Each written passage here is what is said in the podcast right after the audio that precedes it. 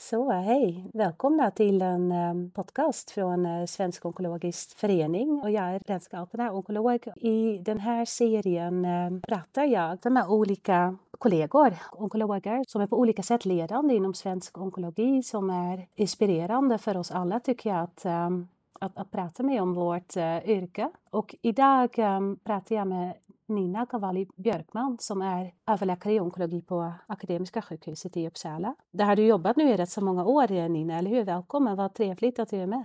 Tack snälla. Jag har jobbat på Akademiska i, i flera omgångar kan man säga. Det var, det var mitt allra första jobb efter läkarexamen när jag var 25 år.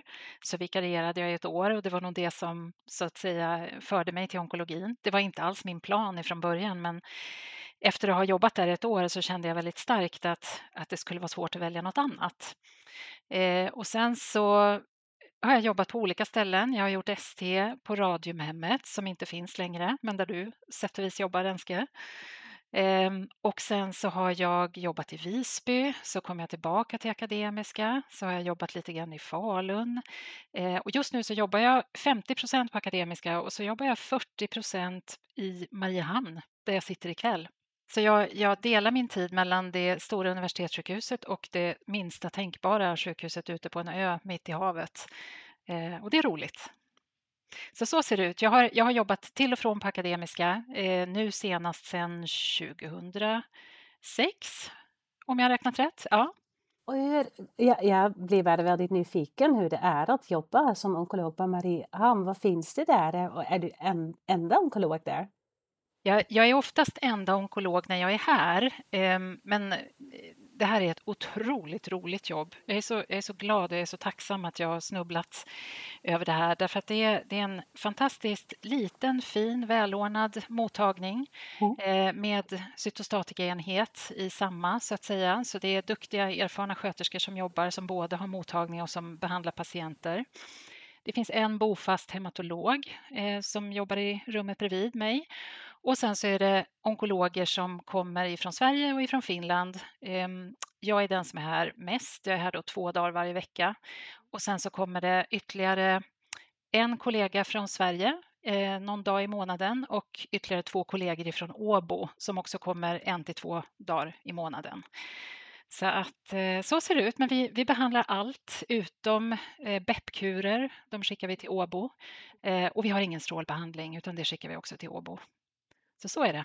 Och har, har ni då um, specifika expertområden där som ni delar eller tar ni alla hand om allt eller hur? Det är lite olika ska jag säga. Kollegorna ifrån Åbo, de har speciella områden som de eh, är, är, superkompetenta inom och, och de tar gärna de patienterna. Ehm, jag får ju ta allt och det är det som gör det så himla roligt för mig. För jag är 52 år och jag har jobbat länge som GE-onkolog ehm, och tyckte att jag var ganska bra på det. Och här får jag ha gyn och jag får ha bröst och jag har väldigt mycket lungcancer.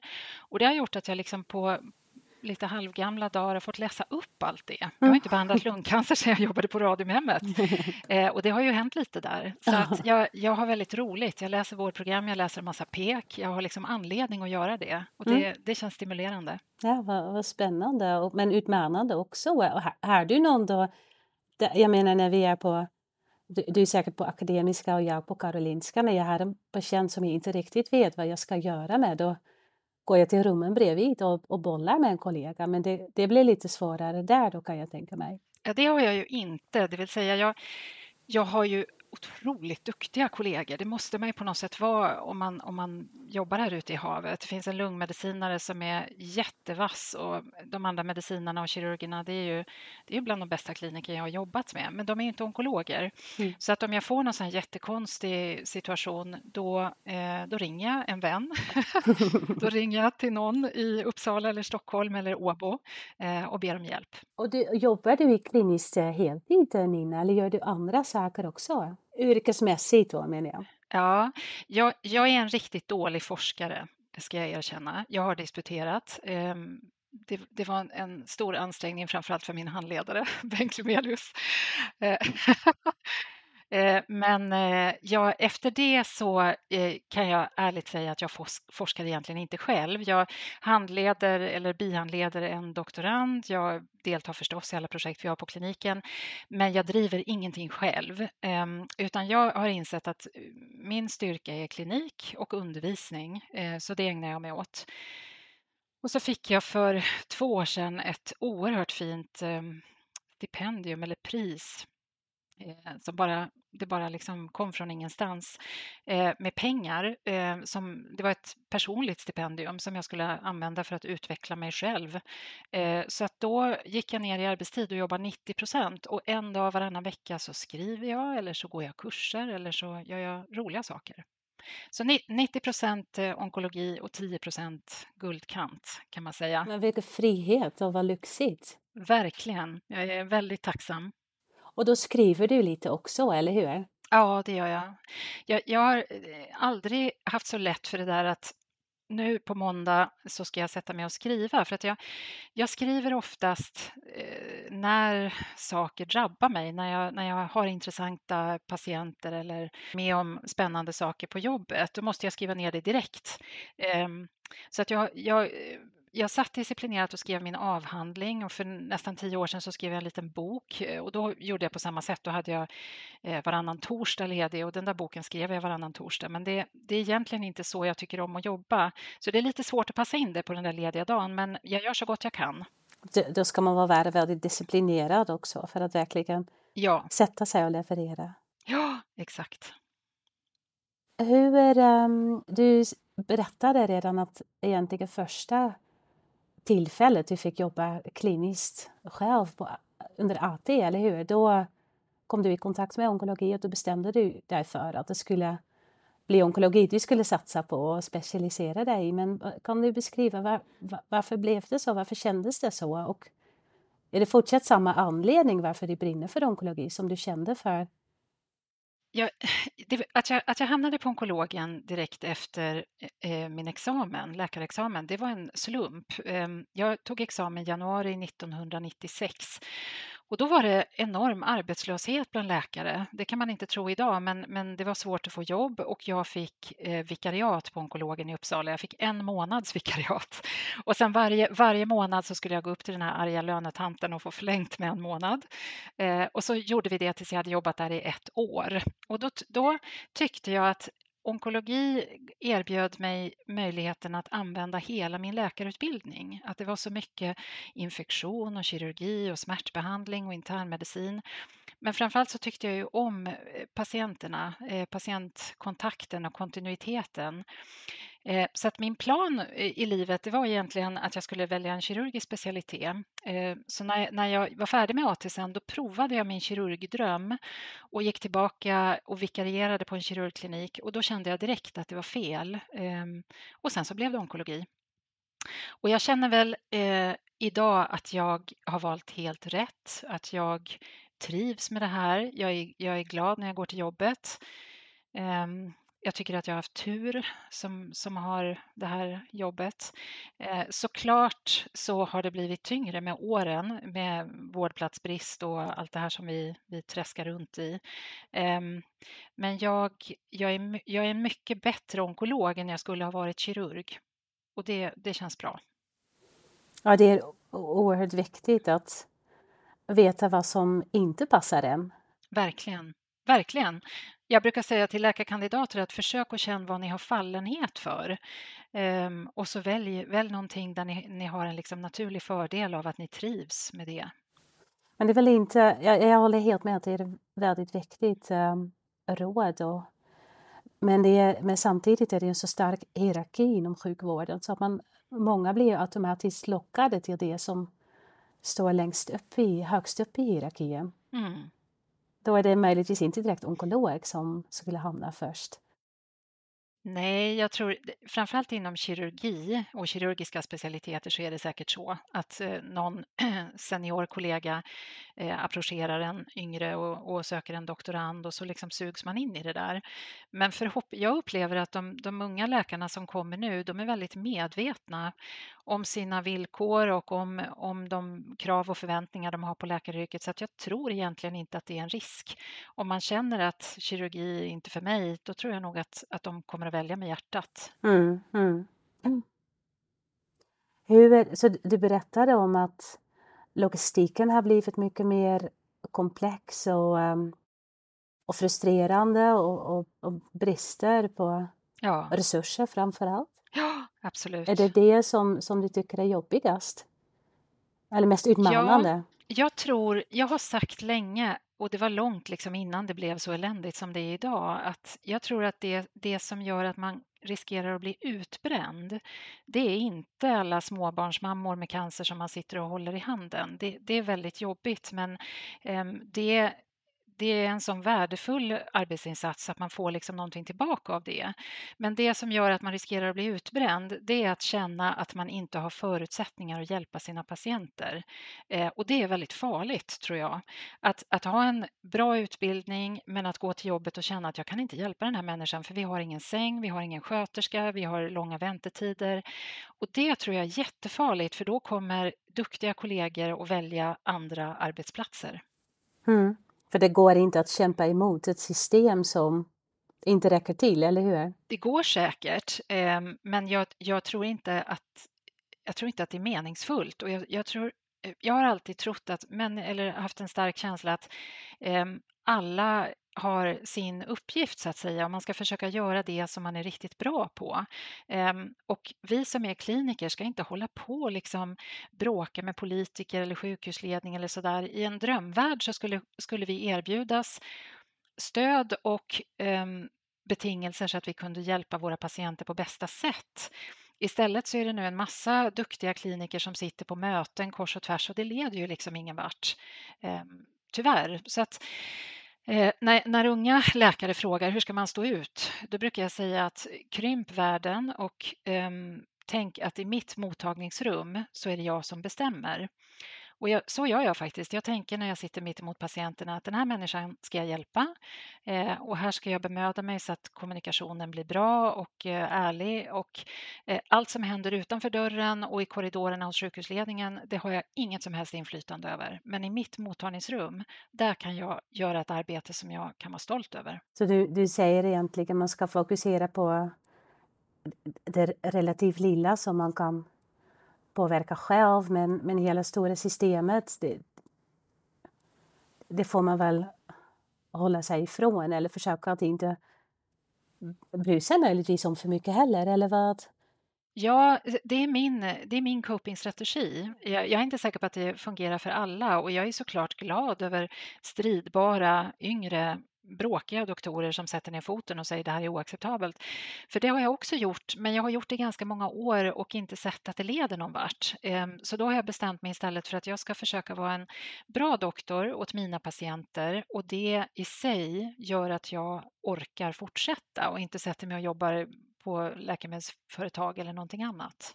Och hur, um, vad, hur, hur ser du att man, att, man, att man är en bra onkolog eller en bra doktor, läkare? Vad, vad är ingredienserna för det? Oj, det är svårt därför att jag tror att eh, doktorer är ju väldigt olika sinsemellan. Olika personlighet, olika kunskapsnivå, man har, man har olika typer av talanger eh, och man kan vara bra på så många olika sätt. Eh, det finns massor med kollegor som är mycket mer teoretiskt pålästa och kunniga än vad jag är. Eh, och de, är, de briljerar säkert inom de områdena. Jag tycker att man måste vara på, man måste vara påläst så tillvida att man eh, det är på något sätt en hederssak att man kan inte träffa patienten och, och, inte ha läst journalen och inte ha läst på om sjukdomen eh, och så vidare. Det måste man. Men, men bemötande är otroligt viktigt för mig. Eh, det, för det är så ofta inom onkologi där man faktiskt inte kan åstadkomma så stor skillnad med sjukdomen. Alltså vi vill tycka det, vi tycker det är jättebra att stråla eh, helhjärna och sådär, men hur mycket skillnad vi egentligen åstadkommer, det kan man diskutera. Det vill säga det är ibland bra för doktorns ångest att man strålar patienten, även om det kanske inte leder till så jättestor eh, livskvalitetsskillnad hos patienten. Eh, men som sagt, man måste... Ehm, jag vill att mina patienter ska, ska lämna mitt mottagningsrum och känna att jag lyssnade på dem, eh, att de fick tala till punkt, eh, att de blev bemötta med respekt och omtanke. Det, det är väldigt viktigt för mig. Jag håller med och det där bemötandet. Det, jag tror att det där är egentligen det som patienterna och anhöriga eh, för de som, som inte överlever. Det är det de kommer att ta med sig sen också, eller hur? hur de... de åker hem och sätter sig vid köksbordet och berättar för sina grannar eller sina barn eller vad det nu är, vad, vad som hände på mottagningen. Eh, och då är jag övertygad att de, de beskriver känslan de tog med sig därifrån. Även om jag har varit uppriktig och sagt att den här sjukdomen kan vi inte bota och vi kan kanske inte förlänga livet heller. Men vi kan definitivt se till att du får hjälp med besvärliga symptom och det är vi som kommer ta hand om dig. Eh, och man liksom skapar en, en känsla av omsorg kring, kring patienten. Eh, det tror jag betyder väldigt mycket faktiskt. Ja, ja jag håller helt med. Och hur tycker du, um, Nina, det, för jag menar, vi, vi träffar ju, vi, vi, och det har du skrivit om också, det, vi träffar ju många unga människor som, med små barn, eller men i alla fall människor mitt i livet som, som, um, som, som dör i sin cancersjukdom. Det, det är emotionellt belastande för man tycker ju, eller man, viss del av patienterna börjar man ju riktigt tycka om och det där emotionella belastning, hur, hur hanterar du detta? Vad, vad, vad lär du yngre kollegor att, hur man ska hantera sådana det är ju, det är ju ett jättestort och väldigt, väldigt viktigt ämne och jag, jag blir glad när du säger att man tycker om patienterna, för det gör man ju. Eh, och, och, samtidigt så är det någonting som jag fick lära mig av äldre kollegor att det får man inte göra för det är oprofessionellt. Eh, och så, jag minns när jag var mellan 25 och 30 och så, och så kände jag på något sätt att det var någonting fel eller det där var någonting jag var tvungen att komma till rätta med, att jag fick inte komma för nära.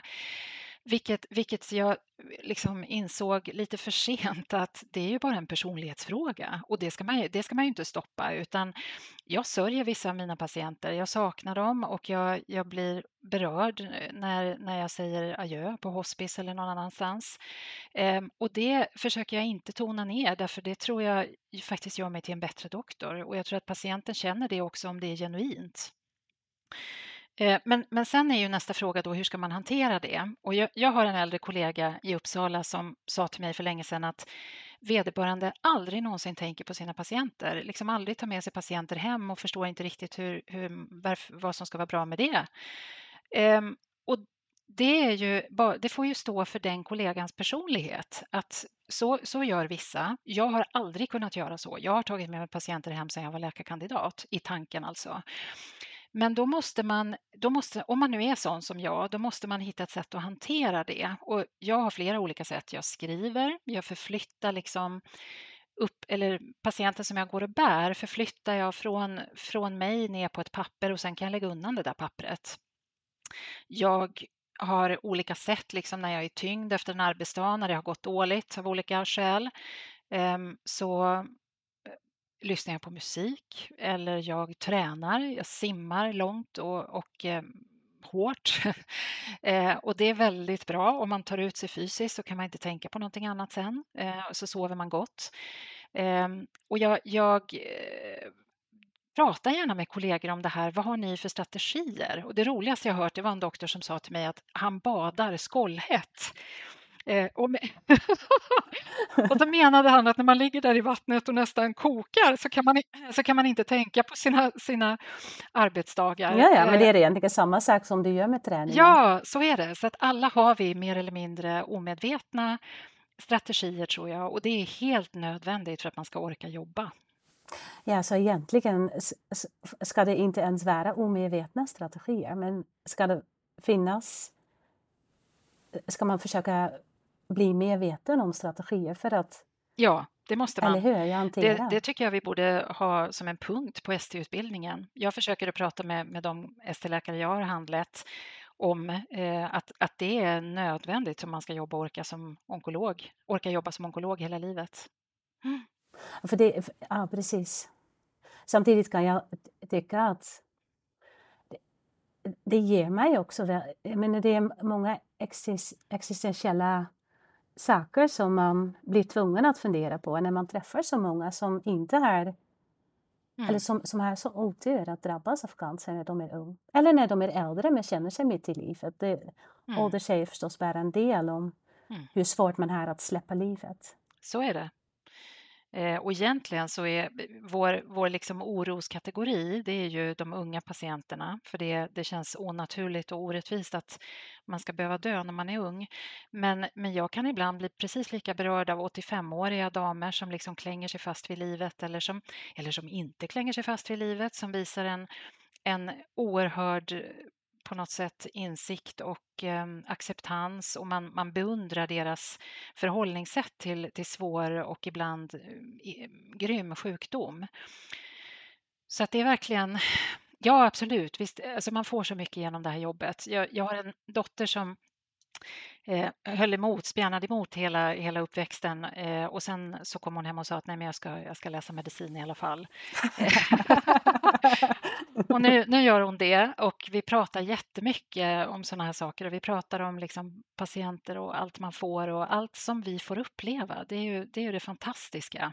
Den här världen som andra människor inte vet finns. Ja, och jag, jag kan själv också känna att det är så stort, det där förtroendet man får av eh, mm. människor, att, att, att, att, man får förtroendet att få ta hand om dem. Mm, verkligen. Ja. Mm.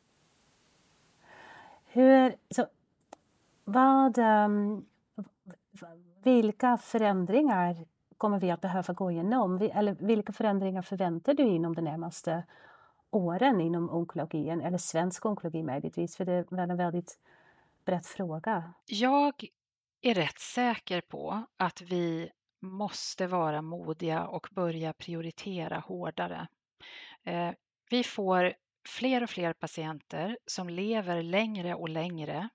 Eh, vi får en, en befolkning som ökar och lever längre och sen så har vi cancerpatienterna som lever längre. Så att det, det, blir, det blir liksom bara en exponentiell ökning. Jag tror inte att pengarna räcker. Eh, det vill säga, de, de räcker ju inte ens idag och så hela tiden så adderas nya behandlingsmetoder till arsenalen och man bara äskar om mer pengar hela tiden. Och jag, jag tror att vi måste vara modiga och, och, inse att det här går ju inte. Vi kanske inte, vi kanske inte kan ge alla allt. Men jag, än så länge så, så har jag många kollegor som tycker att jo, men Sverige är ett rikt land och det är klart att vi ska ha råd med det här och det här. Men det är nog bara att inse att, att politikerna kommer aldrig att våga tala om för oss vilka patienter som inte ska behandlas eller ska man få som i, som i mitt fall då som GI-onkolog, ska man få flera linjers behandling mot pankreascancer? Om man inte svarar på linje 1, linje 2, ska man ge en tredje linje i alla fall? Är det liksom väl förvaltade resurser? Och det här är jättekänsliga frågor och människor blir upprörda och, och min så blir det personligt för att man har haft en farfar som hade pankreascancer och sådär. Men jag tror att vi måste. Vem ska ta sådana beslut? Är det vi som yrkesgrupp som ska leda sådana frågor eller är det politikerna? Eller vad? För det är också många läkare som säger i mitt mottagningsrum kommer jag inte ta hänsyn till kostnader. Jag erbjuder det som jag tror är en bra behandling. Jag vill inte att någon annan säger vad jag får spendera eller inte. Och det är väldigt nobelt, men det innebär ju att kollegan i mottagningsrummet bredvid kanske inte kan ge sina patienter eh, bästa tänkbara behandling.